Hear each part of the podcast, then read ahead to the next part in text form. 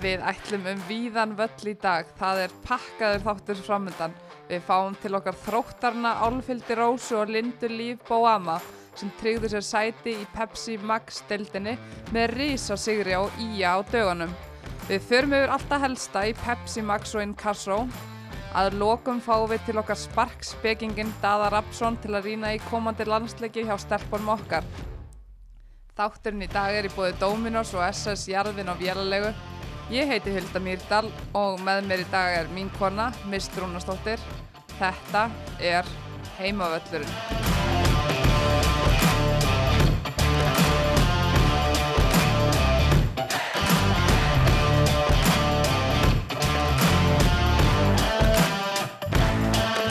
Já, Mist, þú varst í stuði í dag. Því það heyrði svo átt í tónlistin að ég bara veit ekki hvort að fólk hafi einu svona heyrt kynninguna. Ég held að þú hafi náði gegn En gott Þetta er svo geggjað lag. Já, það, það er að hljóta mikla spilun svona utan utan vinnu. Það lítur eiginlega bara að vera. En að uh, Inkasso, við eigum ekki að byrja bara, byr, áður en við fáum stelpuna til okkar að bara byrja að renna þess yfir þetta. Já, 15. umferð var að klárast. Flest augu á FH og þrótti sem að gátu á föstudaginn unni sig upp um deild með því að vinna sína leiki. Bæði lið hafa verið uppur að lið í sumar Já, algjörlega. og hérna við byrjum kannski bara á hafnafjara slag, slagnum þar sem að FH tók á móti haugum um mitt, hefðu unni sig upp um deild með sigri. Og við hefum séð margt skrítið í þessari deild í sumarhulda en þetta var mögulega skrítnasta Já, svona fyrirfram þá hafði maður einhvern veginn ekki ágjör af öðru en að FH myndi bara taka þetta en staðan var 5-0 fyrir haugum eftir 35 minútur og þá fór ég bara út í bíl og brunaði e, upp í Hafnafjörðin bara aðtjóða hvort það væri nokkur bara einhver lasin á stigatöflunni. Um mitt, það voru 4-0 eftir 11 mínútur. Þetta er veist algjörlega galið. Uh, Vienna Benke með þrennu og bara haukar komnir í 5-0 þegar F-háingar loksins ranka aðeins við sér. Já, ég meina í að fara inn í stöðuna það ná að potin einu marki fyrir háluleik en að fara inn í háluleikin 5-1 það er alveg vonlöst Já, og ég meina haukalestin er náttúrulega búin að vera á byllandi siglingu en fyrr má nú vera. Já, og líka bara þú spilar upp á stolti í svona hafnafjörðar slag og þarna allan að fjallu F-háingar á, á prófunu, það Já. ekkert koks. Það er sko Margaret Sif og Birta ná svo að minga munin bara snemma í hérna setniháleik og þá svona öll stúkan tók við að það var bilað góð mæting hjá bara öllum í hafnaferðið, bæði haukamein og FA-mein og þá hjælt maður svona, veist, það kom alveg titringur í haukafólki þegar þetta er komið í bara 5-3 en þær komist aldrei lengra, það var það hitt mark skora síðustu 40 myndunar Nei, þetta er bara, bara- ótrúlega stert hjá haugum og maður bara skilur ekki okkur byrju eða er þetta móti ekki bara fyrr. Því að það sem þeir eru að sína núna er bara top class sko. Að við 27 steg Já, en svo er bara spurning með F-fáinguna, eru þær að fara að koksa á þessum loka spretti? Nei, ég meina það er, eru með 35 stig, 7 stigum undan tindastól, veist, Það væri það væri, það væri sérsta, það væri bara lögreglumál. akkurat, en já, þær hafa hérna þrjáleiki, nýjusti í pottinum til þess að Uh-huh. að klára þetta. En uh, þú sagðir haukar, þú veist, af hverju byrjuði þetta ekki fyrir, nú er það komin í fjórða sæti, þú veist, geta náð þriðja sætinu og þetta hlýtir að svíða ansið þessi fyrstu leikir. Ég meina það gæti verið með 33 stig bara, ef það hefði verið mættar bara í tvo leiki þannig í byrjun móts. Já, já, þetta það- það, það er svona bara fyrir reynslubankan hjá þeim og, og hérna, það hlýtur að vera, það er eitthvað sem hefur ekki alveg smollið hana fyrst. Nei, En hérna, já, F-fáingum tókst ekki að vinna sig upp, það tókst þrótturum hins vegar, það var enda smá hyggst í þeim í byrjun á móti ía, en náttúrulega ekkert í líkingu við, við ruglið á F-fá. Um, já, þróttar voru lengi gang, fundu svo taktin og unnu samfærdi sigur og hérna, ymmit, fulltrúar þeirra, Álfildur, Rósa og Lindalíf ætla að koma til okkar eftir og við ræðum kannski bara betur en leikið við þær þá. mm Uh, Hini leikir í umfyrinni skiptir náttúrulega rosa miklu máli, þetta er svo svakali botbaróta mhm. og fjölnir, uh, þær svona rétt ná að klára rosalega mikilvæg þrjústig á móti pressulösum íringum. Fjölnir vinnur 1-0 og þriðleikurinn eru það sem ég er, kannski aðsnald að segja þetta, en ég er fær bara á sig eitt mark. Já, Og... og, Þetta var gata sikti framann á móti en þær er að stoppa í göttin. En þú veist, Berta Maria skorar þetta mark, þannig að er þetta ekki 80 og annari mínúti eða eitthvað svoleiðis. Eitthvað svo leiðist. Þær voru náttúrulega Svakalega mikilvægt mark. sækja og sækja en einmitt fjölnir, þeim, þeim hafa verið mislaðar fætur oft upp við markanstæðingan í sumar þannig að þú veist þær töpu til dæmis á móti tindastóli leik þar sem þær áttu fullt að færum en þarna kláraður þetta og Berta Maria með fyrsta marki sitt fyrir fjölni þannig að bara gegja það markaði ekki geta komið á betri tíma og þetta náttúrulega breytir leiknum fyrir eða breytir hérna stöðinni fyrir fjölni Já, og bara þvílik þrjústig. Þú veist, Mhm. þetta er þessi bátt baróta, eða við förum kannski betri yfir á eftir, já. Já. en þú veist á sama tíma einmitt tapar Grindavík 3-0 fyrir tindastól Mhm. þar er engin Shannon Simon í liðinu þá náttúrulega fækkar færunum automatís sem þær skapa sér um, en líka bara enn og aftur stert hjá tindastól. Þær er ekkit að fara að láta hauka að taka þetta þriðasætti á sér. Mér finnst samt ég að við séð þetta áður, Vigdís þetta skoran, Múriel með tvö, þetta er svona sem að sé að lesa bara gamla skýsli frá því í sömar. þetta er svolítið uppskrift sko. Já, en þá, ég menn, tindastóll er bara heldur þessu þriðja sæti, heldur hérna haugum aðeins í burtu. Og var ekki eitt leikur í viðbót. um, jú, jú, jú, jú, það er hérna augnablík nærlóksins í stig, það búið erfitt hjá þeim Mm og það gera það á móti afturöldingu úti sem er nú ekkit auðveldast að við að heimsækja þar er það Vigdís Lilja Kristjánsdóttir sem að skora mark augnabliks og svo jafnar Darian Powell í lokin fyrir afturöldingu Hún er búin að vera mikilvæg fyrir það, er búin að skora sjö mörg, hún skoraði bara eitt heilt mark með Selfoss og var náttúrulega bara sendi í Mosó. mm -hmm. Hún er búin að vera mikilvæg að þú veist, finnur sér vel þar Já. og, og svona mósvellingar eru bara svolítið að signa, sigla hvað sem maður lignan. lignan sjó þannig laga þannig að, að, að auðvitað virða bæði stíin en ég held að, að Það eru svektar í Mosó. Já, en líka bara rosalega stert fyrir augnablíku. Hundfúlt náttúrulega að missa leiki niður í jafntöfli eftir að hafa verið yfir, en að ná stíinu þetta peppar þær eflaust inn í þessa bullandi baróttu sem er, er framöndan. Þú veist, þetta er ótrúlega mikilvægt stig því að botnin er svo rosalegur. Þú veist, Í er, fjöl, já. já, í er fallna með eitt stig, svo erum við augnablík og grindavík með 15 stig, fjölni og í er með 16 stig.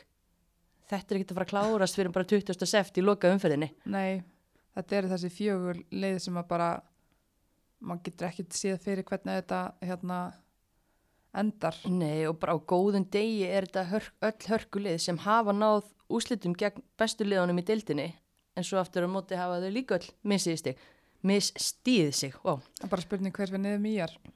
það er stóra spurningin og eins og sé ég er farin að hallast á því að þetta klárist bara 20. seft Já, ég er svo sem til í það. Það var spennið frá mér í loka umferð en hérna ég er En- svolítið spennt að hitta þær þarna. Er það ekki? Jú, Ef við ekki bara fá álfyldi Rósu Kjartansdóttur fyrirlega þróttar og, og framherjan Lindu Líf Bóama til okkar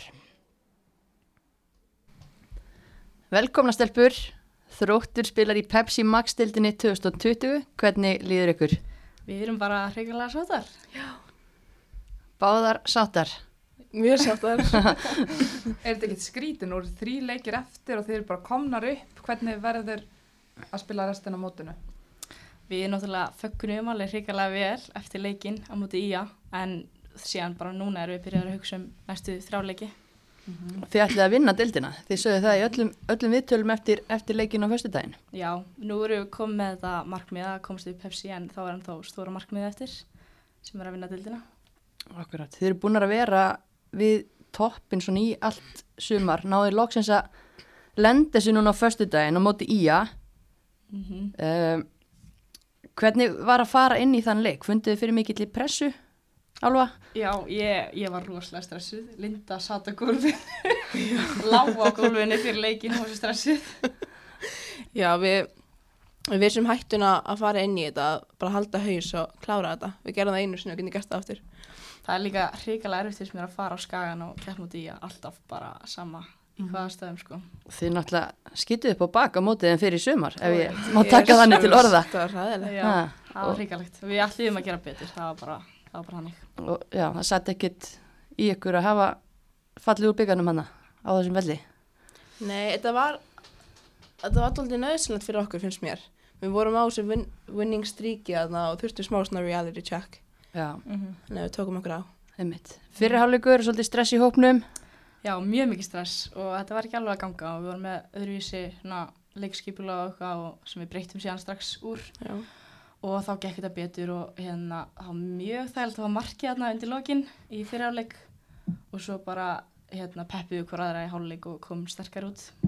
Já, voru frábærar í þessum setni háluleik. Maður sá svona að einmitt, ykkur létti við að fá þetta mark og Mhm. fór að líða vel og maður er séð í sumar þegar þróttarliðinu líður vel þá er að spila ótrúlega skemmtilegan fótbolta. Já, það er 100% þannig og þú veist, það er ekki, við erum ekki mjög góðar þegar við erum myndið miklu svona stressi en um leiðu okkur er fara að líða þægilega og svona inn á völlunum þess vegna ég er oft betri í setnafleik en stundum dálítið Já. lengi að koma okkur að stað Þannig og þá fer svona boltinn mér að rúla og slúðis. Fyrir að spila miklu meira sem lið, Mm -hmm. þá gera slutinir. Já. Það var ágætt að þið hefði bara verið að vinna, fyrst þið, Já.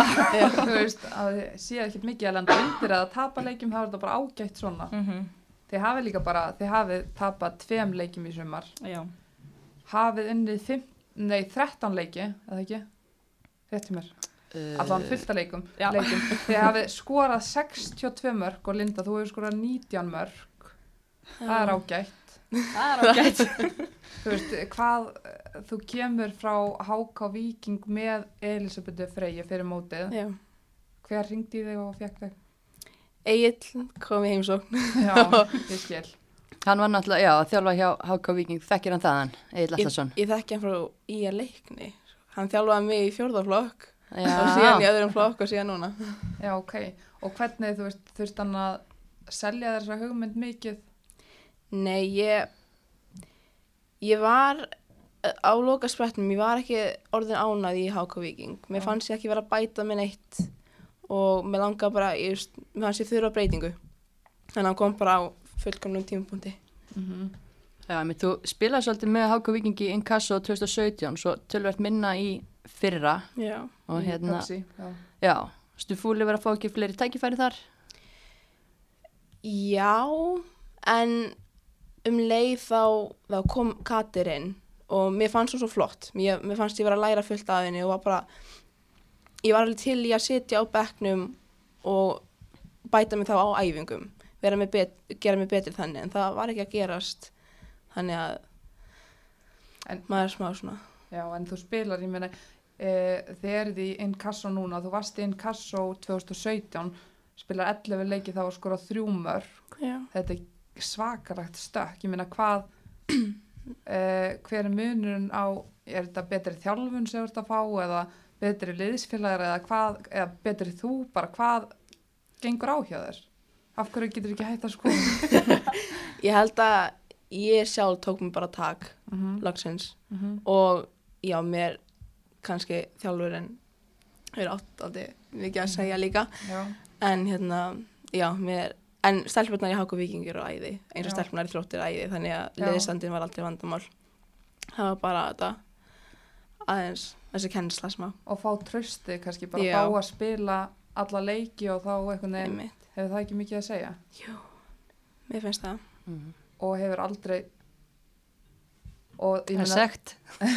og, og ég meina þú hefur ekki spilað yngri landsleiki áður. Nei, þú ert komið núna, hefur þið farað úrtaksæfingar hjá U17 eða? Já, ég hef farið á bara frá því ég var í IR ég var alltaf í þessum úrtakshópum já, en ég var aldrei valin lengra. Já, þannig að þetta er eitthvað nýtt og spennandi sem er í gangi núna. Já, geggjað. Ræðum það kannski einmitt Ó, betur á eftir, hérna. ég er spennt bara Já, nákvæmlega, en uh, já, ef við komum bara aðeins aftur að, að sumrunni hjá þrótti og Nick sagði í viðtali Nick þjálfari að hann hefði fundið á sér í janúar að liði geti gert þetta. Uh, voru þið, þið sammóla? Hvernig leiði ykkur í janúar? Já, ég, ég hef alltaf svona fulla trú á því og mér fannst við að stelpunar alltaf vera þannig og okkur langaði líka því að ég held að enginn hafi verið kannski að búast við þessu frá okkur. Okkur langaði að þú veist sína betur eða skiluru afsanna það. Mm -hmm. og já, mér fannst ég allan að hafa alltaf frekar mikla trú að við getum gert það. Fengum svo góðan liðstyrk og svona. Já, og svo var líka undirbúinastímabili bara eitt af besta sem að þróttur hefur haft, Já. þannig að það gaf okkur búst í að gaf okkur mjög mikið sjálfstrust Já, Já, einmitt, það var svona, það hefur ekki fyllt þróttarliðin að vera að ná sérstökum úslitum kannski einmitt á undirbúnstímbilinu en þið endur til dæmis á að vinna sé til lengjubikarsins Mhm. á magnaðan hátt, lendi þrjúnulundir á króknum, leikurinn endar fjögur fjögur og- þið vinni í framleng, nei í vító, segi ég, eftir framlengingu.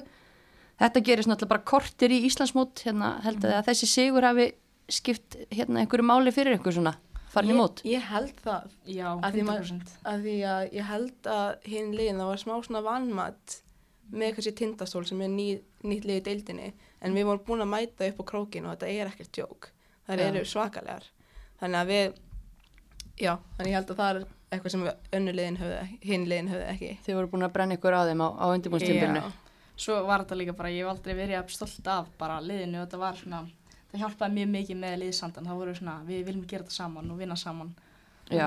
Já, greinilega karakter í liðinu mun að lenda þrjún og lundir og, og það var eitthvað mótlæti frétti að ég meina Nick var raut fyrir að mótmæla einhverjum dóm þannig að hefur eitthvað gengið á og svona dramatík Já, það var og líka víti sem að var, átti ekki að vera. Vikka varði frábælega Mhm. en það var ekki gilt já, látið endur taka víti yfir höfuð átti fannst mér ekki að vera, sko.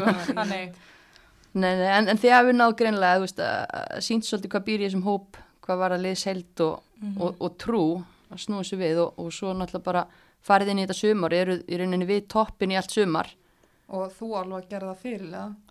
já, Það var það ekki, að hvenar var ekki Hildur Egils var fyrirlið í fyrra jú, og hérna, þú hefur verið alltaf í þróttið ekki jú, ég verði alltaf í þrúti uppalinn þar. og var þetta ekki geggjað að fá bara þann, það tröst einhvern veginn að leiða liðið út í þetta sumar. Jú, að það var mjög skemmtilegur heiður og kom mér að svona óvart að, að Nick skildi bara láta mig gera það en náttúrulega Kornung, fætt Já. 2000 Einmitt. Ha. já, en já, ég er svona, mér finnst ég enda að vera að læra inn á þetta hlutverk og mér langar að gera það vel en ég get eitthvað alveg komið á hreinu en, en ég er enda að læra. Hvernig fyrirlið er hún Linda? hún er stórkostlega fyrirlið hún hefur staðið sig, nei alveg hún hefur staðið sig mjög vel og alla stelpunar að fulla trú á henni Já, ég vona það. Það sýnir sér allan á töflunni þannig að Já, hefur þetta breytir sem leikmanni, heldur þú? Mm, nei, að ég, jú, ég finn svona fyrir aðeins meiri ábyrð og svona og ef það gengur í leik þá finnst mér þurfa svona að vera svo sem vera að hvetja þar áfram og svona þannig. sem hún gerir mjög vel Það er ekki mikið að gömlum konum í þessu liðin, eru þær alveg að, að hlusta á, á unglingin með, með fyrirlega bandi? Ég vona það. Ég, hérna, ég vona þessi allan að gera það. Ég, jú, ég held það nú. Mér finnst Simma, Simma er líka duglega hérna öskra á stelpunar, við erum svolítið í því saman. Já, þannig að já, hvað kemur uh, Sigmundinu náttúrulega alltaf í FH, hún spilar í þrótti í fyrra Mm. þessar FH-stelpur, Hildur Egils og, og Sigmundina Magga Sveins hefur spilað í FH líka, hvað er það að gera í þrótti? Ah, ég elska að hafa það. Það svona eins og ráðgjafar bara, í, þú veist, þeir eru sem mikla reynsluboltar og hérna, og líka bara ráðgjafar fyrir lífi, það eru alltaf ekki að manni góð ráð. Sigmundina er hún ekki elst í liðinu, fætt 92 Mm, já. Magga er fætt Er, já, Já, Magga 90, já. já. það. En ég minna Sigmundina hefur spilað ef reynslu úr efstu deild og er Mhm. það ekki, hjálpar það ekki líka Jú, bara? mjög mikið. Það er eins og ég sagði, þeir eru miklu reynsluboltar og, og hérna vita ímislegt sem að kemur á góðum nótum. Já. Já, um, varst þú ekki með eitthvað? Jú, ég er með fullt, fullt af hérna dóti. En ég minna þið missið Sólei Marja sem að hefur verið uh, góð Já. fyrir þrótt. Þið missið hana fyrir uh, tímabili, hún fyrir breðablик. Mm Er það, var það eitthvað sjokk? Sko, ég er náttúrulega, hún er besta vinkonu mín, þannig ég vissi alveg hvað væri í vændum hjá henni, en ég, hérna, mér langaði samt svo mikið að hún myndi gera þetta, bara prófa að fá að, að því hún er svo ótrúlega efnileg að fá að spila einhvers þar aðeins, já, aðeins meiri, hérna, gæðum. Og jú, það var alveg, það var alveg erfitt og mér varst líka leiðilegt að missa hana úr liðinu, af því að það var gamla á hana, en, en hérna, en við náum alveg að fylla í hennar stað mjög vel. Og ég minna þið fáið Loren, veit, uh, hvernig er, Linda, nú hafið þið náð ansi vel saman, hún er búin að skora 14 mörg í deildinni, Mm. þú hefur skora 19, þú veist, þekktur hann eitthvað fyrir nei því er ekki Hvernig er að spila með henni? Hvernig leikmaður er þetta? við bara náum ótrúlega vel saman bara utan vallar og, og innan og hún, hún er bara svo klár Já, og hún gerir þetta einhvern veginn svo auðvitað og svo gerir þetta svo auðvilt fyrir mig Í hverju er hún best? best má segja allir já, já, já, það er alltaf læg. En já, hún hefur verið liðstyrku fyrir ykkur, en ég meina, þið, þið vissuð ekkit fyrir mótið að hún væri svona góð, eða þú veist. Sko, við vissum alveg að hún væri í mjög háum geðaflokki og svona væri mjög góð.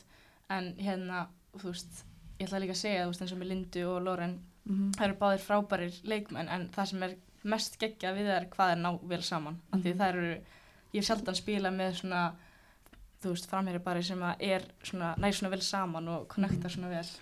Það er mitt, mitt áhugavert að ef maður er að fylgjast með bara hver er að skora, hver er að leggja upp og það er rosalega oft einhver Mhm. samvinna, eitthvað tveggja, þú veist, í loka afröðinni. já. Eru það að vinna mjög mikið með þetta á æfingum eða smulluðu bara strax eða hvað? bara strax við okkur bara hend saman í fyrsta leikin og það bara hvernig virkaði hún, hún virka mjög bara að tala saman og ef að það kom eitthvað fyrir leiknum þá bara tölum við og það bara gerist ekki aftur Nei. Skilur alveg norðuríska reynin? maður er búin að venjast honum Það ekki? Já, og hún, það var verið að velja hana í, í norðuríska landsliðið. Er hún farin út? hún er farin út. Ok, fyrir hvað tvoleiki eða? í, ó, ég veit Ég það held, ekki. jú, ég held það sem tveir. Já, Jú, já, ég held það. Akkurat. en hún á það svo skilið. Já, Algjörlega, svo er þið með annan erlendan leikmann í Olivia. Mhm. og hún er búin að spila aftar á vellinum og kannski ekki eins mikið í sviðsljósun en en Hver- hún er, hún er geggjuð bara, mér finnst hún ætti að fá meiri aðtökli sko. hún, það er alltaf hægt að treysta á hana, ef að, ég veit að það er einhver að fara upp kantin í henni það er bara að bóka hún er að fara ná bóltanum mér finnst hún ætti að fá aðeins meiri aðtökli sko. Við getum talað um hann meira. já. já, já, það verður frábært ef Linda hættir að skora þá hérna, getum við fyrir að ræða nei, nei, en svo er líka annað önnur talandu vinkonu þínar alveg á uppalda þróttara mm. Friðrika Arnardóttir fætt trösti í markinu í sumar Mhm. og ég meina, hún fór á láni í aðra dildina í fyrra og þróttur hefur að taka erlenda markmenn inn og svona mm. jákvætt að hún fái trösti já, það er geggjað bara, sko, ég var ekki að búast við bara hvað hún myndi standa sig svona frábærlega í sumar, hún er búin að vera geggjuð og hjálpa okkur mjög mikið. Þannig, já Hún hefur aldrei fengið tröstið í þrótti. Það hefur alltaf, það var Agnes Þóra, það ekki Já, hún 2017. er alltaf kornungu, skulum Já, ekki glemma því. 2000, hún er já. með 2000, já. Já, en hún fær tröstið núna og mm eitt. st- búin að standa sér frábærlega þannig ég er mjög ánað að Nick hafi tekið ákvörðun að hafa hana. Og þið líka, þið eru bara búin að fá á okkur heldur tíu, ég langfæst mörk Já, í, í, í tíu mörgum færra en, en hérna FH. FH er búin að fá sér 20 til 10 mörg. Já. Mhm. haukar næst fæst í 19 Já, Mhm. þannig að hún, minna vörnir er eitthvað að gera rétt eða bara liðið og hún Já. sem leiðis.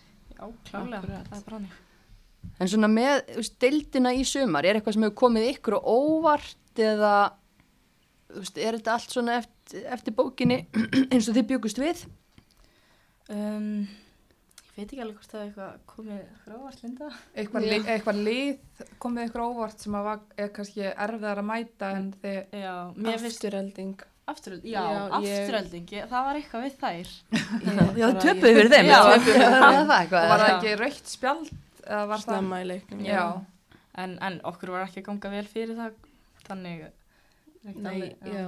Ég hef- heyrði það frá góðan þróttar að þið geta spilað í tvo daga þann leik og eitthvað ekki tekist að skora mark er það, Nei. Já, það er þar hafa bara lokað vel á okkur mm Mér finnst líka, hérna, tindastóll komið líka óvart já. Mjög mikið, hún er svolítið geggjuð hún hérna frammi Þannig, það mjög- Já, já. það þurfti, Nick þurfti alveg að stúdura hvernig við ættum að verja skegna Já. já, það hefur nú gengið ágætlega hjá okkur mm -hmm. Hmm. En hérna, einmitt, þú veist, þið eruð að ætlið að reyna að vinna stilt, þið erum með fjörastega forskot á, á hérna FH, þrýr leikir eftir, eigið eftir að mæta FH. Eh, Töpuðu fyrir FH í fyrir, en það er það ekki? Jú. Já, Getið unnaði núna? já, ég, við ætlum okkur það og við erum líka, við erum, við erum mjög miklu þægilegir á okkar heimavalli þannig við erum ekkert að Það fara ætlum okkar ekki að tapa leika okkar Nei, heima nei, öllu það er planning Nei, kom það eitthvað óvart þessar ótrúlegu tölur hérna síðasta föstudag, þú veist, að FH hafi ekki klárað þetta, þær töpuðu hérna fyrir haugum og voru, einmitt, ég veit að þið voruð ekki að fylgjast með Nei. leiknum þegar þið voru að spila, en eftir á svona þegar þið heyrðuð af þeim leik. Jú, það, Mér brá. já, mér brá mjög mikið, það, kom kom mér óvart óvart, já. en það því líka bara þær verði ennþá hérna brjálæri þegar mæta okkur þannig við erum að vera viðbúin að því Mhm. En þegar eigið þá þegið eftir líka fjölni, fjölni og Grindavík. Já. og þið ætla bara að enda hvað, þrýr sigrar eða? Já, það er- það er Mæling spurning, besta spurning. sem ég spurt í þessum þætti. En ég meina, erfitt að mæta þessu liðum, en að FH, eins og ég segi, koma brjálaðar eftir þetta og þær eru ekki búin að tryggja sig. Og svo eru með tvöliði í bullandi botnbaróttu. Mhm. Áttu þið vonaði fyrir tímabilið að Fjölnir og Grindavík væru að hérna berast við að halda sér uppi? Nei, ég alveg vissi alls ekki hvernig. Mér finnst þetta svo erfitt að gera ráð fyrir því hvar öll liðin lenda, þannig ég vissi alveg ekkert hvar, hvar þetta, hvernig þetta myndi.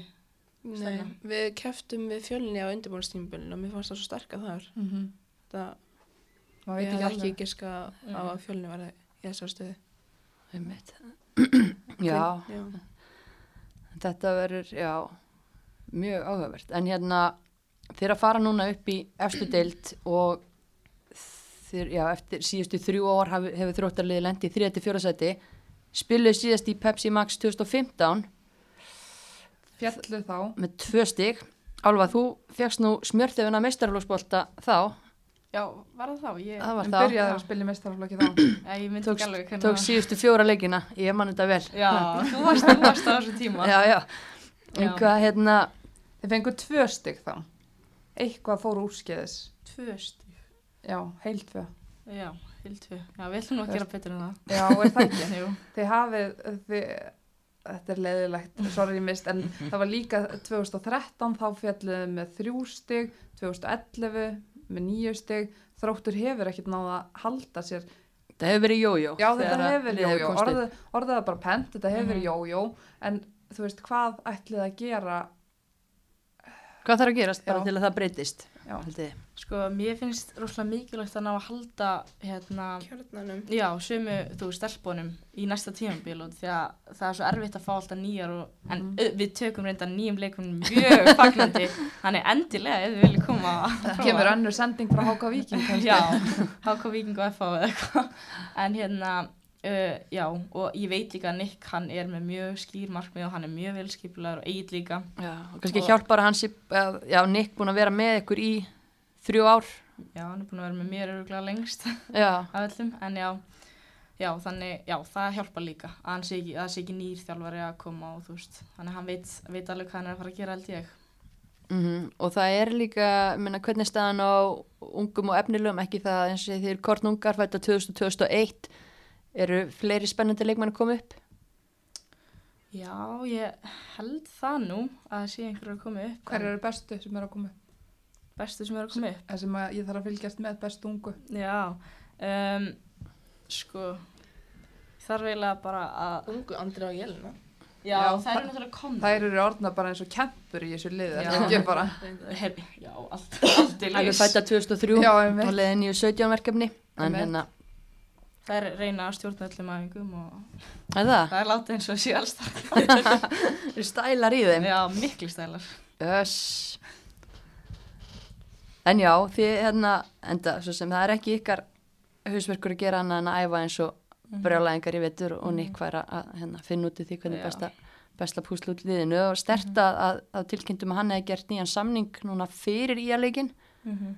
Mm Skipti það einhver, einhverju máli að vita af því að hann væri búin að skuldbinda sig áfram? Já, það er alveg þægilt að vita hver er að fara að vera með okkur næst tíambil og við veitum að hann er góð þjálfari og vel skipulegur þannig Nú, gott líka að vita, hann er alveg all in. Já, hvernig þjálfari er hann, Og- þú veist, hvað sko, Hann er, hann er kröfuharður, já, hann er kröfuharður það er en alveg mér finnst það gott. mm Sang, Sangjarn? Já, já, mjög er, svo. Hann lætur mann alveg heyra það sko ef að það er ekki eitthvað að ganga Mm, Já, en hann er ótrúlega skipulegur og leggur mikinn metnað í að uh, bara ganga vel og, og hann fer að veldi alla leiki Já, og, einmitt, ég ætla að veist. segja það, maður sér hann alltaf á Mhm. hann er að fylgjast með deildinni, hann er að fylgjast Mhm. með öllu. Já, hann leggur mikinn metna í þetta, það er alveg ekki að taka það af honum. En mér finnst Egil ekki síðri sko, hann er, við eigum honum mikið að þakka að við sem erum búin að halda svona heilar í, í sumar. Hann er að læra sjúkurþalun, þannig að hann sér um okkur og líka bara bæði líkamlegu og andlegu heilsunni. Mm Nei. Já, Hörku teimi? Mhm, mjög gott þjálfarteimi. Já. En hérna, þú sagðir að Jelena og Andrea væru með hérna, derring og æfingum og létt eins og þær væru elstar og, og réðallu. Já. Ég held að allir séu sammála því. Eða? Eða ekki linda. Koma moment svona. Koma moment. Við. Það eru smá gelgjunni, ég held að það sé alveg saman að þetta segja það. Já, ég meina Það eru skemmtilegar. Það er eru skemmtilegar. Það er, ég, þetta væri ekki skemmtilegar. maður hefur gaman, maður hefur gaman að þessu. Ég held að hlæja allir mest af þeim. En hvernig er einmitt, þú veist, þú ert með leikmenn sko fætta 2003 og svo ertu með elstu leikmenn fætta 90. Mhm. Hildarhópurinn, þú veist, hvernig náðu þið saman? Er þetta nokkri litlir hópar eða þið að búa til stóran þjættan hóp saman? Sko, það er einmitt það sem er svo frábært við þetta lið er að það eru bara, það eru bara alla vinkonur sama þetta séu fættar, það er það séu 28 ára eða 15 ára. Þannig að Magga Já. Svins og Andrea kíkja alveg saman í bíó. Já, þú veist, það er Það mér ekki koma óvart. Nei. Já, það er að það er mjög góður andi Já, Það tala er gaman að vera í þrótti. Það er mjög gaman að vera í þrótti. Ok, það er ágætt í bílega að tala um hérna. Já, en líka bara talandi um að í þrótti, maður er kíkt á leiki uh, umgjörðin, menn það búið að vera fín mæting á völlin hjá okkur í sumar. Já, Já. við byrjum að gera aðeins meiri kröfu til hérna uh, stuðningsmannana, köttarana, að mæta líka á leiki okkur en ekki bara á köllunum Mhm. og mér finnst þér alveg hafi verið duglegir í því. Ég er mjög ánað með það. Ski skemmtilegra á ykkar leikjum heldur en strákaleikjunum í sumar allavega. Miklu skemmtilega. Sorry strákar, það er bara... Það er líka skemmtilegt að sjá litlu stelpunar. Já. Yngri stelpunar í þrótti eru Það mjög er- dullar að mæta líka. Mhm. Þannig að Gekja. Maður hefur líka séð bara á Instagram eins og þú veist, þróttur að leggja metnað í þetta. Það er koma vídeo fyrir leiki og Mhm. svona alls konar bara inn á samfélagsmiðla til að fá fólk til að fylgjast með. Risa plakka þetta lindu þegar maður mætir á völlin og svona. Já, ok. Þetta skiptir allt er máli. já. Og maður rósa á, á þróttarana. Það er vel gert, já. En hvað svo framhaldið? Það eru þríleikir eftir. Þú, Linda, þú ert reyndar að fara í landslýsverkefni bara á morgun eða ekki? Jú, mæting eftir svona 7 tíma Er það? niður KSI. Og þú ert að fara með U19 til Svíþjóðar í tvo æfinguleiki. Norröður og Svíþjóð. já, Varstu á æfingu aðan? já, það var einhverðan. Hvernig gekk? Það gekk bara ágætlega. Það, það voru allir að keppa í gær. Þannig að bara svona létt endurimt í dag. En ég er mjög spennt. Góður hópur? Mjög góður hópur. Gaman að fá tækifæri. Mjög svo. Og þú ætlar ekki bara að vera með og þú ætlar ekki að spila. Ég, ég, sjáum til það. Já, það er, Það er eins gott, annars verður ég brjálið. Já, ég meina, Annars er álfa að mæta. 19 mörg í sumar, það, þú hlýtur að vilja spila í þessu 19 liði. Já, svo er líka stelpurna sem hafa alist upp í landslegunum og eru kannski aðeins Það eru kannski minna á taugan. Það er er komið tími á þig, segi ég. Já, ég er, ég er tilbúin. Já, Ég er bara tilbúin að taka þessu. Bara gangið er sjúklega vel í, í því. Takk fyrir. En þið segið, það er þríleikir eftir, þið ætlið að vinna dildina. Verður þetta vombrið að sumar eða þið vinna ekki dildina? Kannski ekki vonbreiða sumar ef við komumst í Pepsi en, en, en við verðum samt vonbreiðar með Ég held það. að, ég held að aðal markmiðinu sé náð. Við Já. komumst upp í Pepsi, það var það sem við lögðum með Mm -hmm. og núna bara sína hvað við getum. Og við getum þetta alveg vel. Já. Finnst ykkur pressa á ykkur í þessum síðustu leik, þreim leikjum eða eru þið pressu lausar? Mér finnst alveg pínpressa. Mér finnst að við verðum eiginlega að taka þetta. Ég set allan að leggja mikla pressu á mig og liðið. Þannig já. Þannig að þið eru bara hálnaðar með verkefni. Já. Ég meina þeir eru fjórum stigum undan FH, þannig að Mm. Ég reyna að pæla ekki mikið í afsakið. Við ákveðum bara að taka einn leik inn. Já, já, já, við erum konar aðeins, Já. aðeins fram úr okkur. Yes, en er þetta ekki bara að verða? Jú, ég hlakka til að Flott. þrótt hérna á næsta ári í Pepsi Max og Ég lakka til að sjá að talda sér upp í Pepsi Max já, næsta ári. já, emitt. Þannig að bara, er þetta ekki bara, er eitthvað að lokum? Bara lifið þróttur eða ekki? og áfram Ísland. Ha. Það er ekki klassísk loka orð. Jú, Jú. takk hérlega fyrir komuna stelpur og bara gangi ykkur vel. Takk fyrir. Já, gaman að fá þær til okkar. Þetta eru ótrúlega flottar stelpur og gaman að sjá þær svona ungar í svona ábyrðarfullum, fullum, hvað segir maður, ábyrðarfullum hlutverkum hjá sínu liði. Bara rísa, já. Þannig að ég, já, það er gaman að sjá hvort það er, það er klári, setna markmiðið. Já, virkilega, það hljóta ætla að gera það. Eiga í FH í næsta leik, já. Já, það verður hörkuleikur þar. Hmm. En svona, já, það var spilað í fleiri deildum. Já, að heldur Eh, betur. Pepsi Max, að hlupi yfir umferðina þar. Já, Aðeins að sjá, ég minna það er bara blíkar og valur, þau- þau lið halda áfram að vinna fyrir bara yfir kveldleik á hundavaði. á hundavaði. Já, Keflaði Káar vantaði fjórar uh, líkilkonur í lið Keflavíkur. Vantaði Natasju, Sofí, Köllu, Anítu, er það ekki? jú, ætla Jú, ekki, já, jú. já, Og- rók og rigning. Rók, bílað rók sending, þú veist, ef að sending yngun ætlaði einu svona að senda tilbaka hann bara, nei, á einhverja þversendingu hann fór bara út í, ég veit ekki hvert. Nei, þetta var ekkit brjálæðislega gaman að horfa á hana leik en, en barning sigur hjá KR heldur betur og bara maður bara hvað segir maður? Bara sárt fyrir að hafa ekki sína leikil menn með sér í svona stórun leik út af því að það er áttalveg færi í þessum leik og staðan var nú eitt eitt Já, Lengi. já, og þetta er náttúrulega óverlegt að vanti svona margar en þetta er bara málið og það er það kannski líka sem er að há keflaugulegin að vantar aðeins meiri breytarna en Og- ung stelpa sem skora mark fyrir 2004 jafna leikin yngst til að skora í sumar. Mhm. Amelía, frábært hjá henni og það er mikilvægt að- að þeir sem fáið tækifæri stíu upp og nýti sín tækifæri. Þannig að geggja það að sjá hann að gera það. En rísa sigur þessi þrjú steg fyrir káar ef við vorum að tala um ykkur rísa þrjú steg áðan þá er þessi bóttbaróta líka í Pepsi Max alveg svakaleg bara, en það er samt áhyggjefni fyrir K.R. að geta ekki kláraðan að leik þegar vanta fjóra þeir, þær voru ekki að skapa svo opin færi auðvitað var þetta erfiðar aðstæður allt það en þetta gerðist allt svolítið hægt og það var erfitt en bara Katrín klárar þetta úr víti og þú veist Já, mér fannst þetta sko sigurinn aldrei hættu þannig lagað en maður var svona velta fyrir sér fyrirfram hvort að K.R. myndi ná einhvern veginn að bara stúta þessum leik, -hmm. gera þetta samfærandi, þeim tókst það ekki. Ég held að hérna, veðuguðnir hafi náttúrulega haft aðeins áhrif á það en bara geggja fyrir K.R. sem er komið þá í 16 stig og búið að lifta sér vel frá þessum neðstu sætum Mm og annar fallslagur, það frestað hjá IPVF og HK Viking veðurspáin var búin að stefna í þetta dögum saman en samt fá HK Vikingar ekki símtal fyrir að það eru komnar á Selfoss eða eitthvað álíka. Að bruna í bátinn. Rosalega sérstætt og sko það var ekkit vita í gær um hvernig þetta setja hennar leika á. Og það er bara spurning hvernig það verður hægt því að ég held að séu fimm leikmenn úr liðunum sem er að fara út í unglingalandslisverkefni núna í vikunni. Og þetta eru leikmenn sem eru mjög mikilvægir þessum liðum þó ungar séu mm þannig að liðin hljóta að setja kröfu á að spila ekki á meðan þær eru úti. Þannig að þetta geti endað í einhverju já, einhverju fjaskói en, en hérna það er leiðilegt að þessu hafi verið fresta sko að því að það gerir þetta erfiðar að lesa í hann botn. Hvað ætlar Íbí Vaffeil að gera? -hmm. þú veist, er, er, er þetta ekki bara að vera spurning hvort að verði Íbí Vaffeil að kepla sem fer niður með Háka Víking Jú, það lítur svona allt út fyrir það núna allan að sanga töflunni, IBF með 12 stig, Keflavík 10 stig, IBF á þennan leik og gæti, þú veist, skilið Keflavík bara eftir þarna, mm -hmm.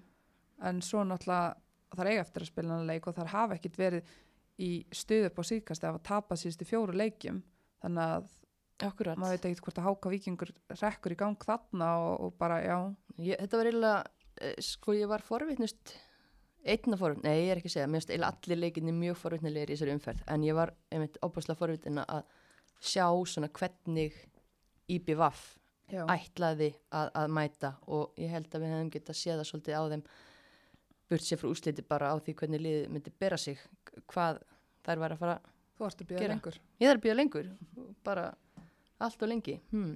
En hérna það var sko fjörugur leikur Þór K. Selfoss bara áttan um þriðasætið.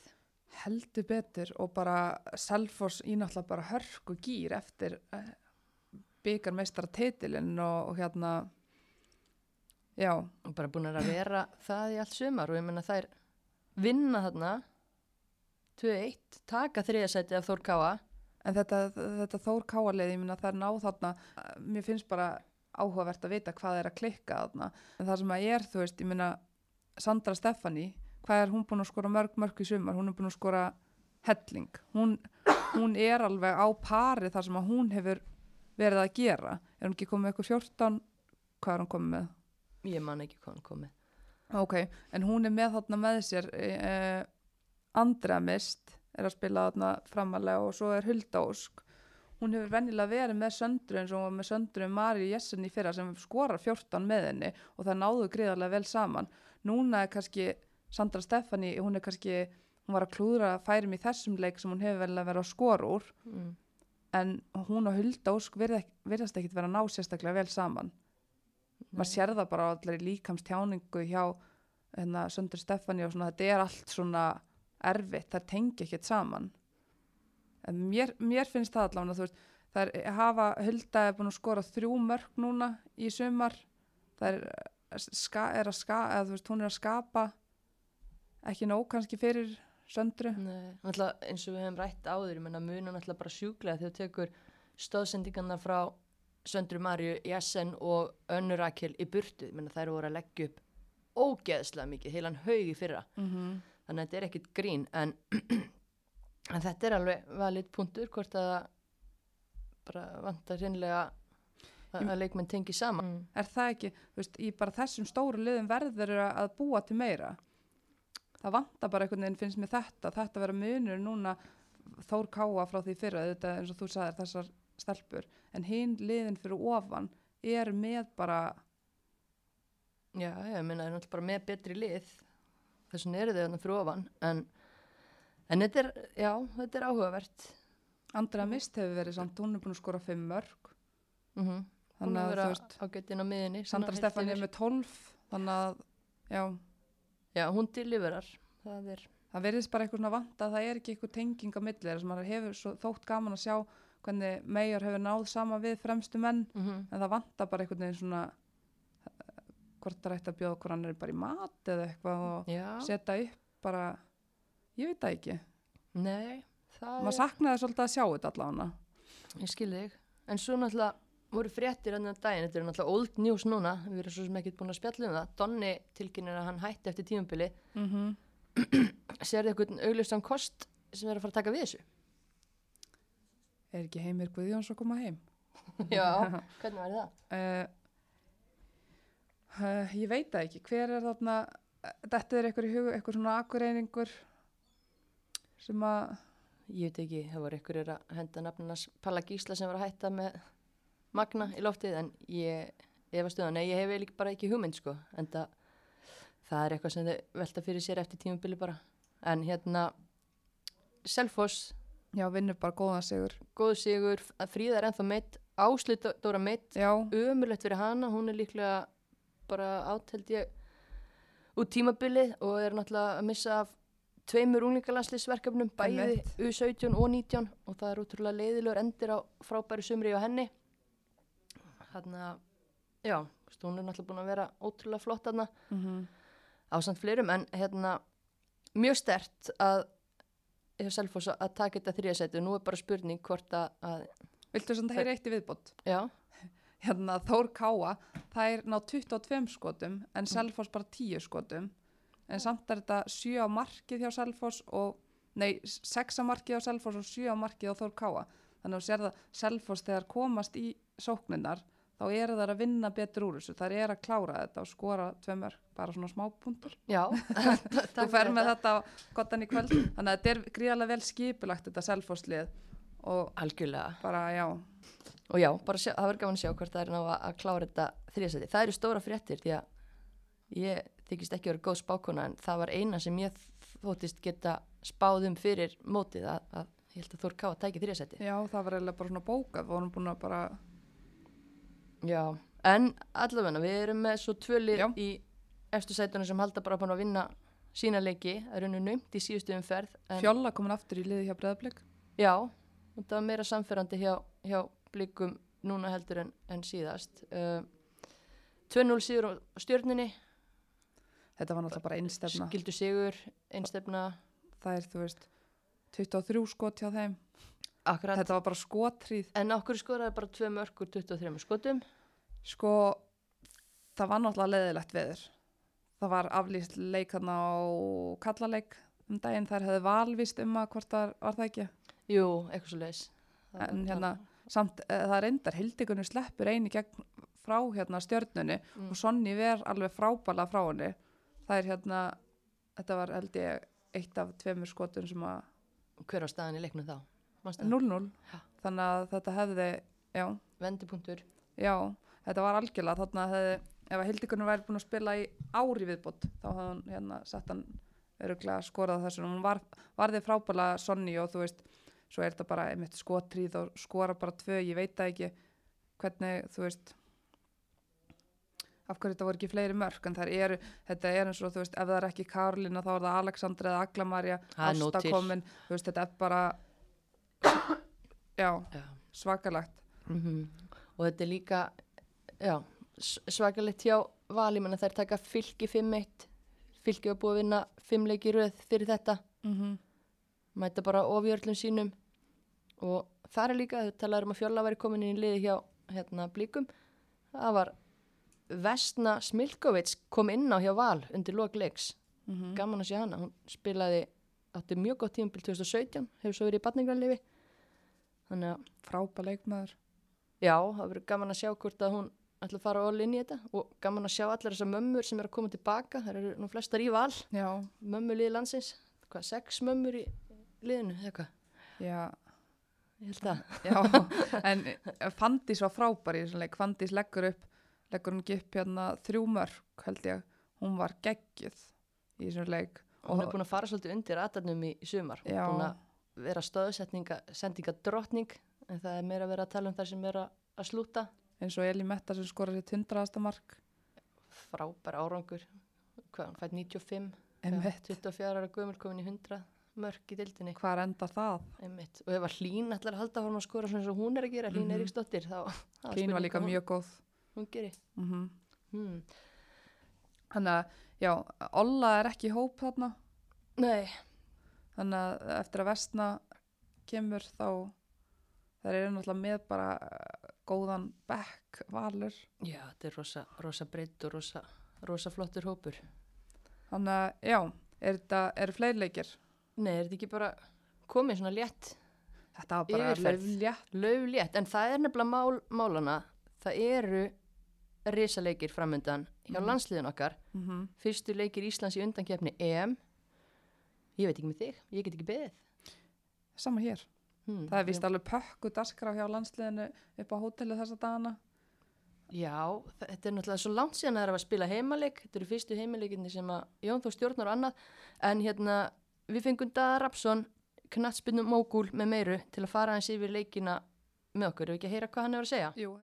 Daða Rapsson, það eru tveir risaleikir framundan hjá íslenska landsliðin okkar, fyrstu tveir hérna leikirnir í undankeppni EM, byrjum á tveimur heimaleikjum móti Ungverilandi og Slóakíu, hvernig leggst það verkefni í þig? Já, bara mjög vel, sem betur þarf ég ekki að spila, en hérna, hann hefur valið skemmtilegan hóp til verksins og þannig að svona ákveðin kynnslóðaskipti sem hann voru að tala um að væru vantanleg, þau, þau eru greinilega farin að gerast. Þannig að ég er mjög spenntur að sjá hvernig hann ætlar að ráða því öllu saman upp. Einmitt, eitthvað sem kemur á óvart kannski í hópnum hans, hann náttúrulega skilur eftir svolítið af reynsluboltum og, og tekur unga leikmenn inn. Kanski má Rakel Hönnu vera svolítið, um, já, spörja sig því að hún er kannski að spila í einnig sterkustu deildinni og vera skilin eftir. Þarna kannski svona fjölhæfin hennar að tröflána að hún er, hann metu að þannig að aðra séu betri í þeim stöðum sem að hún geti fyllt Já. sem stendur en hún er náttúrulega að spila í ennsku deildinni sem að er bara eina af þeim sterkustu í heiminum í dag þannig að hún mætti kannski spyrja sig einhverja spurninga. En að öðru leiti finnst mér lítið við hópin að aðtuga. Já, það eru hann einmitt uh, unga stelpur, blíkonu til dæmis Karolína Lea Áslu Munda sem að fengu tækifæri bara fyrir stuttu og, og þær greina halda sínum sætum þeirra framist að í sumar. Er hún að, já, Já, maður svona sér það að núna eru sex stelpur í hótnum sem eru fætt á 2000 eða eftir. Uh, og það er aðeinsvært að einmitt, það er bara fjórðungur á hótnum að komin í það að vera að vera hérna, já, fættu 2000 eða setna þannig að hverja spila það munda getur mögulega fengið eitthvað, eitthvað að spila. Og ég sjálfur var svolítið spenntur að Hlín Eiríks fara í eina fremstu stöðum því að mér fundið svona aðrar vera svolítið líkar. Okkur vant, hlín er svona fjölhæfari og, og svona kemur með aðra hluti. Að meðan kannski Elementa og og Berglind bjóða upp á svolítið svipaðar hluti kringum bóksið og, og meðan Aglamarja og Fandís og, og þær eru kannski svona meira svipaði leikmenn sko. Þannig að, þannig að ég var svolítið spenntur að hlín fá eitthvað hlutverk. Hún er alltaf búin að vera sjóð heit í sumar líka. búin að sjóða þetta í sumar og er bara hörku leikmaður þannig að þær eru þú veist, konur á þennan aldur að þær þurfa að fara á landsleiki ef að þær eru að bera upp í landsliði næstu, næstu keppni Já, þannig að þér finnst þessi kynnstuðaskipti sem að viðrast vera að rúlla af stað, þau eru tímabær. Já, það var nú talað um það bara líka áður en Jón Þór tók við og, og hérna og svona í síðustu keppnum að menn svona verðtu sjá það að það, að, að það stemdi þetta en það margir af þessum burðarásum höfðu verið bara frá því á, á hérna síðasta áratug margir bara sömu, margir sömu sem voru í EM 2017 sem hafði verið um 2009 eða 2013 og, og þannig að við þurfum alveg að fá nýja leikmennin sem geta sem geta gert hluti og, og þú lærir það ekki nema að spila og þetta getur verið tilvaldir hlutir í það, eða tilvaldir leikir í það. Já, um eitt, hérna, hvernig svona, eh, þannig að velja ný nöfnarninn og, og ný andlit, en svona ef þú ættir að pæla, velta fyrir það svona byrjunarliði, heldur hann sé að fara að gera mikla breytingar frá því bara við vorum að sjá hjá Freysa síðustu haust? Það er erfitt að segja sko, veist, eh, nú, nú veit maður að þeir eru búin að mjög mikið að bara fylgjast með deildinni, fylgjast með leikmannum, þeir eru búin að vera velta svo mikið fyrir sér, það er greinlegt að þeir hafa, veist, pælt í þessum aftur kynnslóðaskiptum svona, en ég held að það breytist ekki mikið eins og í vörninni, að hún haldist svona nokkuð svipuð og hefur verið, það er kannski helst hvort að Áslöf myndi að fá eitthvað aðeins að stíðin það sem Hall, Hallberg er í vinstri bakgrunum. Sérstaklega ef það þarf að sækja og, og gegn þessum liðum þá þarf að fara bakvið og einhver, einhver sem getur uh, komið með árásur utan á kanti. Um, inn á miðju ætti nú er litla breytingar en eins og ég segi það væri svolítið áhört að sjá frammi hvort hann geti eitthvað hreist upp í hlutunum Mm. og aftur ég væri spenntur fyrir að sjá hlín Ef þú mætti velja fremstu þrjár í fyrirleikin? Já, já, uh, Fandísi uh, og, og hérna hana, og hana Hlín og svo kannski það lítið, mér finnst lítið bera milli Elimett og, og, og Berglindar og El, Elimetta svona kannski, já, á þessari stundu en, en hérna finnst lítið bera þeirra milli. Já, Þannig að þetta er jákvæður hausverkur að, að hérna, hann getur valið á mörg og svo er annað með svöfu sko að þessi leikmenn sem tölum upp á þann að þeir eru svolítið mikið fyrir að fá bolti fætur eða vera með boltan og, og ráðast á varnir í staðin fyrir að stinga sér. Já, og það er kannski eitt vótt sem okkur vantar sóknarlega, það eru leikmenn sem stinga sér. Uh, Sandra Marie Essen var nokkuð góð í þessu, þú veist, það var svona hennar sérgrein, Þór Káa og, og, og þegar hún var að byrja í landsleginu hún hefur ekki heldur sama dampi með það en já, það verður svona áhört að sjá hvort að svafa í að fá það hlutverk hún er búin að vera að spila vel, já, fyrst í Noregi og svo í Svíþjóð, en við höfum kannski lítið séð af henni hérna heima. Já, kannski helst í þessum, hún náttúrulega stóð sem mjög vel þegar hún var í breiðablik árum fór út en, en hérna við kannski sáum hann í fyrra móti Þýskaland það er nú erfitt að me meta, meta einmitt í þeim leik þar sem að var sterkur anstæðingur og, við vorum bara í vörn meiri, meiri partinn en, en hérna að þessu leiti sko, það, væri, það þyrfti að vera svolítið fjölbreyttu kostir í sókninni Já, einmitt, þetta verður tóldi hérna áhvert að tala um að hann væri kannski að velja fullmarga varnamenn fyrir þessi verkefni því eins og þið segir að það er að sækja þessum leikjum. Uh, Hvernig horfður það við þér? Eru of margi varnamenn hana? Ég ít ekki, svona Fandísi, Söfu, Elimettu, Berglindi, Öglumari, Hlín, ég held að þetta svona, Þetta duga. þetta, Karolína getur, þú veist, Margrellar Dagný, þú veist, þetta er hörku, þetta er hörku lið, þannig að, hérna, ég held að sé lítið þetta hvert yfir því. Nei, einmitt. En hérna svona að þessum leikjum, við erum að spila mátti ungverjum og, og slóökum og ég meina eh, á pappírunum á heimslistanum, meina við erum betri en þessi lið. Já, við erum betur en þessi lið, það gefur lítið þegar þú er komin leikin og, og það kannski svona, mann er dættur hug leikir úr síðustundakenni sem að svona þurft að vinna en, en hérna, en, en hérna, þá er mitt kemur að þú veist að, að Íslands landslið hefur átta til bara lengi, allan þennan uppgámstíma það verið svolítið svona þess aðalskostir hafa verið það að vera mjög vel skipulagt og framan að treysta á, á hérna Margreti Láru og, og, og Fríðu byggamestara að hérna, hún hefur nú bara átt að vera hóttum Já, en, en, en hérna en gáttu treyst á að þær gáttu með svona individual briljans búið eitthvað til og, og skora mikilvæg mörg svo svona kannski það sem að Freysi lendi í eða Margrét Lára var meitt og, og, og, og hún fríðaði líka þannig að hann, hann vantaði kannski svona einhvern sem að að taka við keflinu þar sem að þær skildu við það þannig að uh, það er svona það sem ég myndi að horfa á þessum leikjum sko, getum við stýrt leikjum betur og komist betur á bakvið þannig að svona lið sem að muni leggja gegn okkur? Veist, getum við verið aðeins eh, ekki alltaf bara eins því að veist, við veitum alveg að okkar lið geta varist og, en í þessum leikjum þá þarf að sækja þú stig og það er bara lífsnöðsvægt þannig að það verður áhört að sjá. Já, Jón Þór hefur nú talað um það að meðal hérna, verkefna á hans lista er að, að reyna að, að fá liði til að halda bolti betur og geta tekið yfir þessi leiki. Hefur þú náða að fylgjast eitthvað með þessum fjölmörgu útileikjum sem að hérna, Jón Þór hefur haft til þess að undirbúa sig og liðið? lítið, ég horfði þarna á einhverja útsendingar frá Finnlandi og svona það, það er svona ég, ég hef alveg trú á því sem hann er að gera mér, mér, mér finnst margt mjög jákvætt í því sem Jón Þór er að setja upp og, og gera og, og hérna ég, ég er ánæður með þetta eins og enn og aftur veist, með, með það eins að hrist upp í hótnum og takka nýja leikmenn og, og, og vona bara veist, að, að hann prófis áfram með þetta að Ísland geti stýrt leikjum því að því það er eitthvað sem að bara við eigum að geta gert númer 17 á veist, í, í 2020 á heimslistanum þá verðum við að hafa fleiri neitt trikk.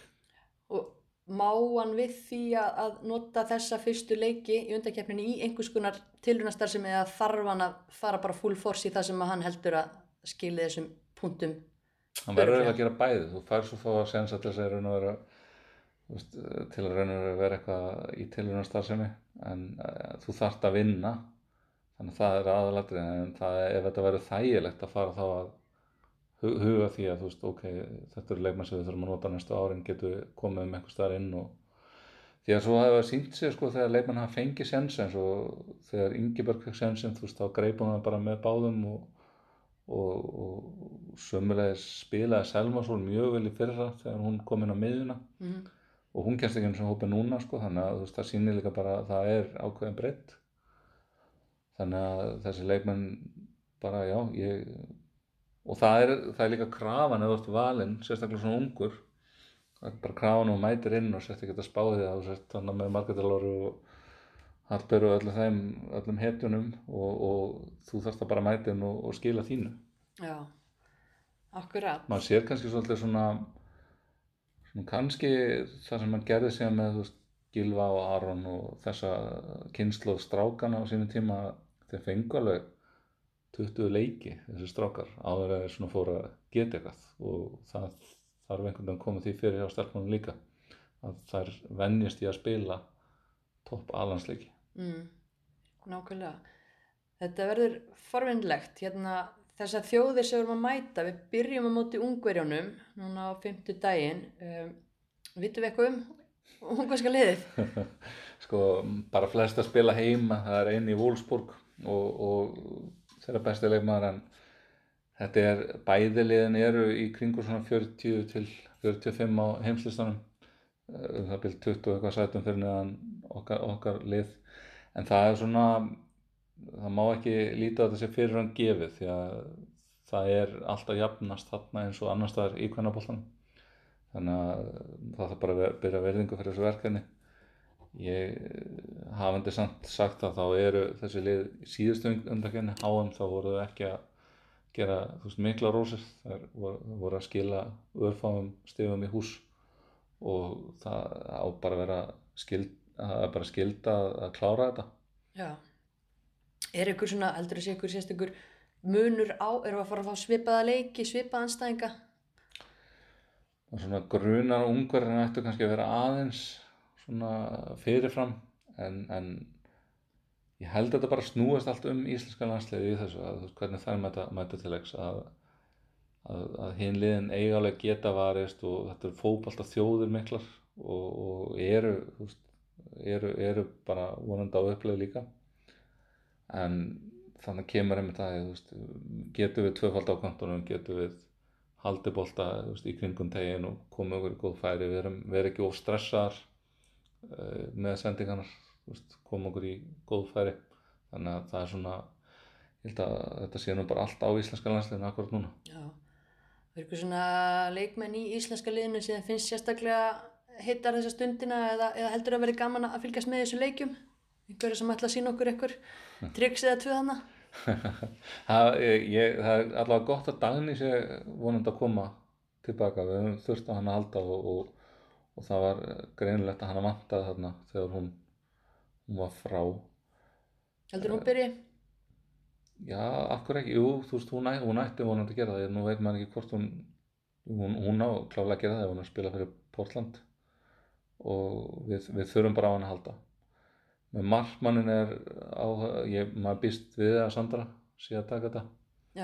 Um, Cecilia kemur inn í hópin og þá hún er kannski ekki tilbúin að fara að spila tvo keppnisleiki en hún, hún fær þannig smjörþöðin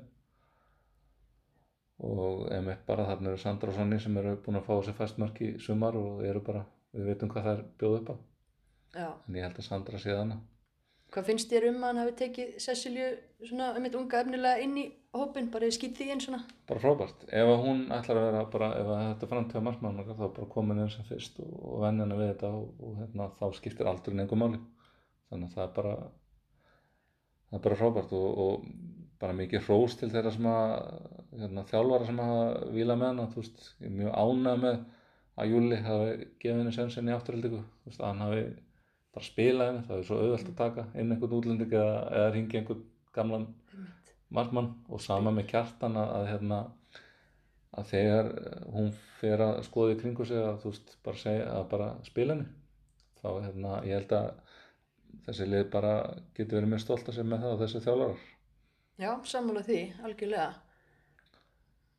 Og hérna, já, en svona já, með, með hópin einhverjar, það verður náttúrulega gaman, við erum búin að sakna Dagný er náttúrulega, við erum ekki búin að sjá hana síðan í tískalasleiknum úti og tjekkaleiknum úti.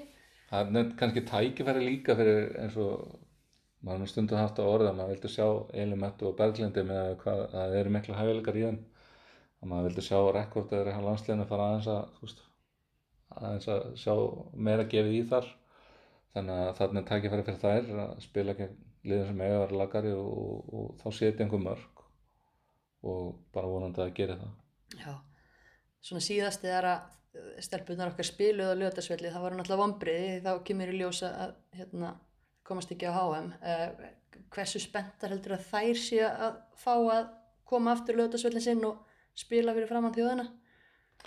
Ég er örugglega bara mjög spenntar og, og þú veist, svo bara nýju tímar, veist, það er alltaf bara, þú veist, uh, bara hressandi að fá kannski bara eitthvað ríst, rístart og rífress og, og það bara þarf reglulega í fótballtalið og, og það, þannig að það er hljóta að vera mjög hungraðar í þetta.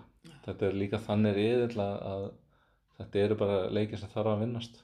Og svo endur við á tveimur leikjum hann á móti í svíjum þetta raðast mjög skemmtilega í því að þetta er eiginlega bara, ég ætti að vera úrslitalegir í lókin nema eitthvað furðulegt gerist. En það er bronslið HM sem að mæ- mætir í lögadala þá eftir ár og það er síndunum heldur betur í sumar að þær eru ótrúlega sterkar. Og núna er bara þeirra leikmenn líka að dreifast meira um Európu.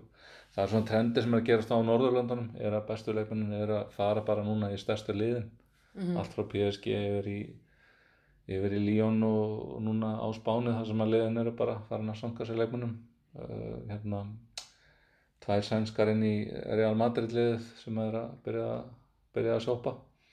Þannig að, þannig að þær eru svona að fara að dreifast út um allt og ég held að það verði bara sterkar fyrir vikið. Það væri óskandi að sjá fleiri fleiri stelpur frá okkur fara og út og í stærri lið það þarf svolítið að gerast í hérna okkar bolta finnst manni þið margar í Pepsi Max dildinni tilbúnar í það? Taka næsta skref? Já, já, þú veist, það, það eru, svo er þetta náttúrulega alltaf spurningum, sko, þetta er náttúrulega spurning líka um peninga. Það, þetta er að verða betra. Það, hérna, menn fari ekki neitt í kallaboltanum á þess að, þú veist, peningana, bara verið hreinskilið með það, bara peningana skipta öllu máli og þú getur ekkert fara út og, og verið einhverjum, einhverjum svona, já, youth hostel aðstæðum, hérna, og verið íslensk landslíkonu þá er nú bara betra heima að sitja. En, en það ætti, við ættum einhvern veginn að leggjast á það að koma sérstaklega ungum og mjög efnilega leikmennum fyrir út hérna í stór lið helst. Mm. og þetta er bara norska deildin er að sjá að þeirra leikmennir eru að fara þarna inn í ennsku deildina, þýsku deildina. Þannig að við verðum bara að fá fleiri út eins og gaman að sjá Önnubjörg var í PSV sem er skemmtilegt lið og hún er að spila og spila sér inn og þær eru mjög ánægða með hana þannig að hún bara, hún bara vonandi reyður brautina fyrir fleiri. Já, og maður verður, áhört að sjá hvað eins og Agla Maria Hlín þú veist, uh, já þessar stelpur þær ætti að geta farið að banka eitthvað erlendis. Nákvæmlega. Þannig að það verður frólægt og þetta er eiginlega bara meila bara taka annan þáttum um, um þetta hvernig, hvað hefur maður að gera til þess að hérna, sitja ekki eftir. En hérna, svona bara í lokin, uh, þú talar um það að við eigum að vinna þessa leiki. Um, hvað hefur að fá marga áhörnundur á völlin? Af því að þú ert nú sérstakur maður um áhörnundatölur. já bara, hvað, hvað tekur allir 18.000 manns á tvo verli Já, 18, 19 Ed Sheeran spyrum hann. Nei. Nei, bara það er bara á að mæta það er ekkert flóð með það það er, þú veist, ef þú heldur með Íslandi þá áttu bara að mæta á alla leiki kallakanna og, og hérna það er ekkert spurning um það þannig að það er engin ásökun Já, og hvað þarf uh, liðið okkar að gera til þess að komast á EM? Ég meina, með einhver gullin ráð? já, bara mjög umfælt vinna alla leikina sinna Einfalt, já.